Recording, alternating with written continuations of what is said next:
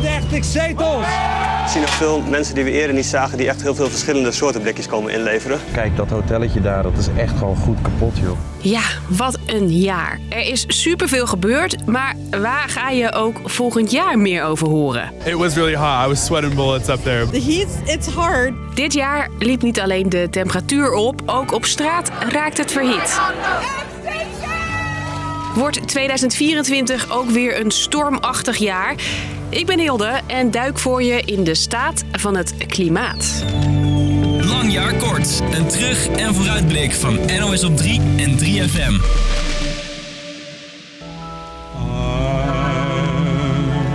Ah ja, kerst. Erg gezellig, maar deze plaat gaat eventjes af.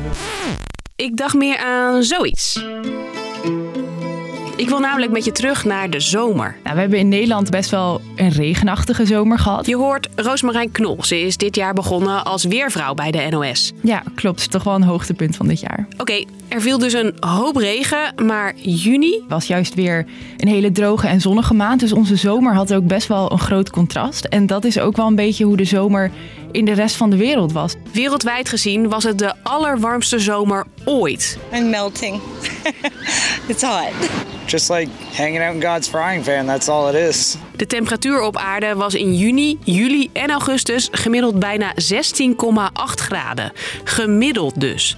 Dat betekent ook dat op sommige plekken er flinke uitschieters waren. In het zuiden van de Verenigde Staten gewoon meer dan 40 graden. Ook in Zuid-Europa heel erg warm. Die hitte zorgde voor bosbranden. In onder meer Griekenland, Turkije, Italië en Zwitserland was het raak. was natuurlijk zo dichtbij. Dus eh, nee, dat was wel echt heftig. Maar niet alleen in de zomer hadden we extreem weer. Door het jaar heen kregen we te maken met de ene na de andere storm. Eén daarvan, storm Daniel. Die reisde eerst over Griekenland en daarna over Libië. Die storm trok over een dam heen. En die kon dat water gewoon niet houden. En dat had enorme gevolgen.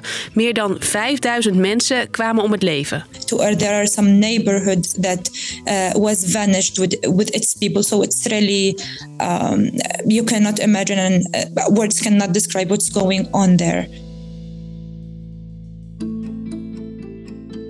Is er een oorzaak voor al dat extreme weer? Ja, klimaatverandering speelt de laatste jaren eigenlijk continu wel een rol eh, in het weer. Hitte, overstromingen en stormen zijn van alle tijden. Maar klimaatverandering doet daar nog een schepje bovenop. Heeft ook dus een veel grotere impact op ons leven. Actiegroep Extinction Rebellion maakt zich flinke zorgen over de opwarming van de aarde en de impact daarvan. Zij blokkeerden dit jaar meer dan 16 keer de snelweg.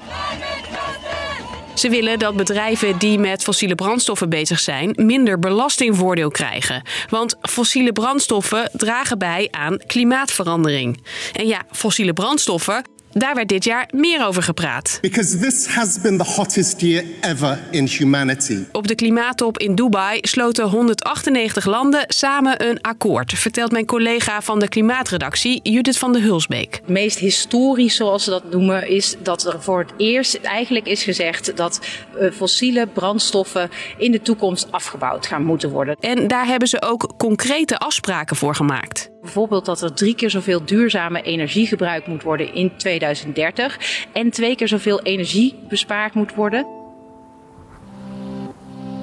Die klimaatplannen liggen er dus, maar daar ga je niet meteen iets van merken. Wat kunnen we in 2024 wel verwachten? El Nino. El Nino. El Nino. El Nino betekent in het Spaans het kerstkind. Maar dat heeft verder niets met kerst te maken.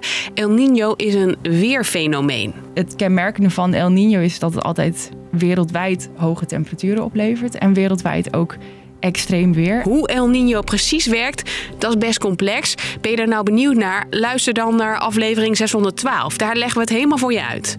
Goed. El Nino is dus volgend jaar nog steeds van de partij en gaat vooral op plekken zoals de Hoorn van Afrika een grote rol spelen. Gaan we daar ook hier iets van merken? Ja, daar is de wetenschap nog niet helemaal uit. Er is wel onderzoek naar gedaan en daaruit komt eigenlijk naar voren dat de effecten van El Nino in het noordwesten van Europa heel erg beperkt zijn. Even afwachten dus.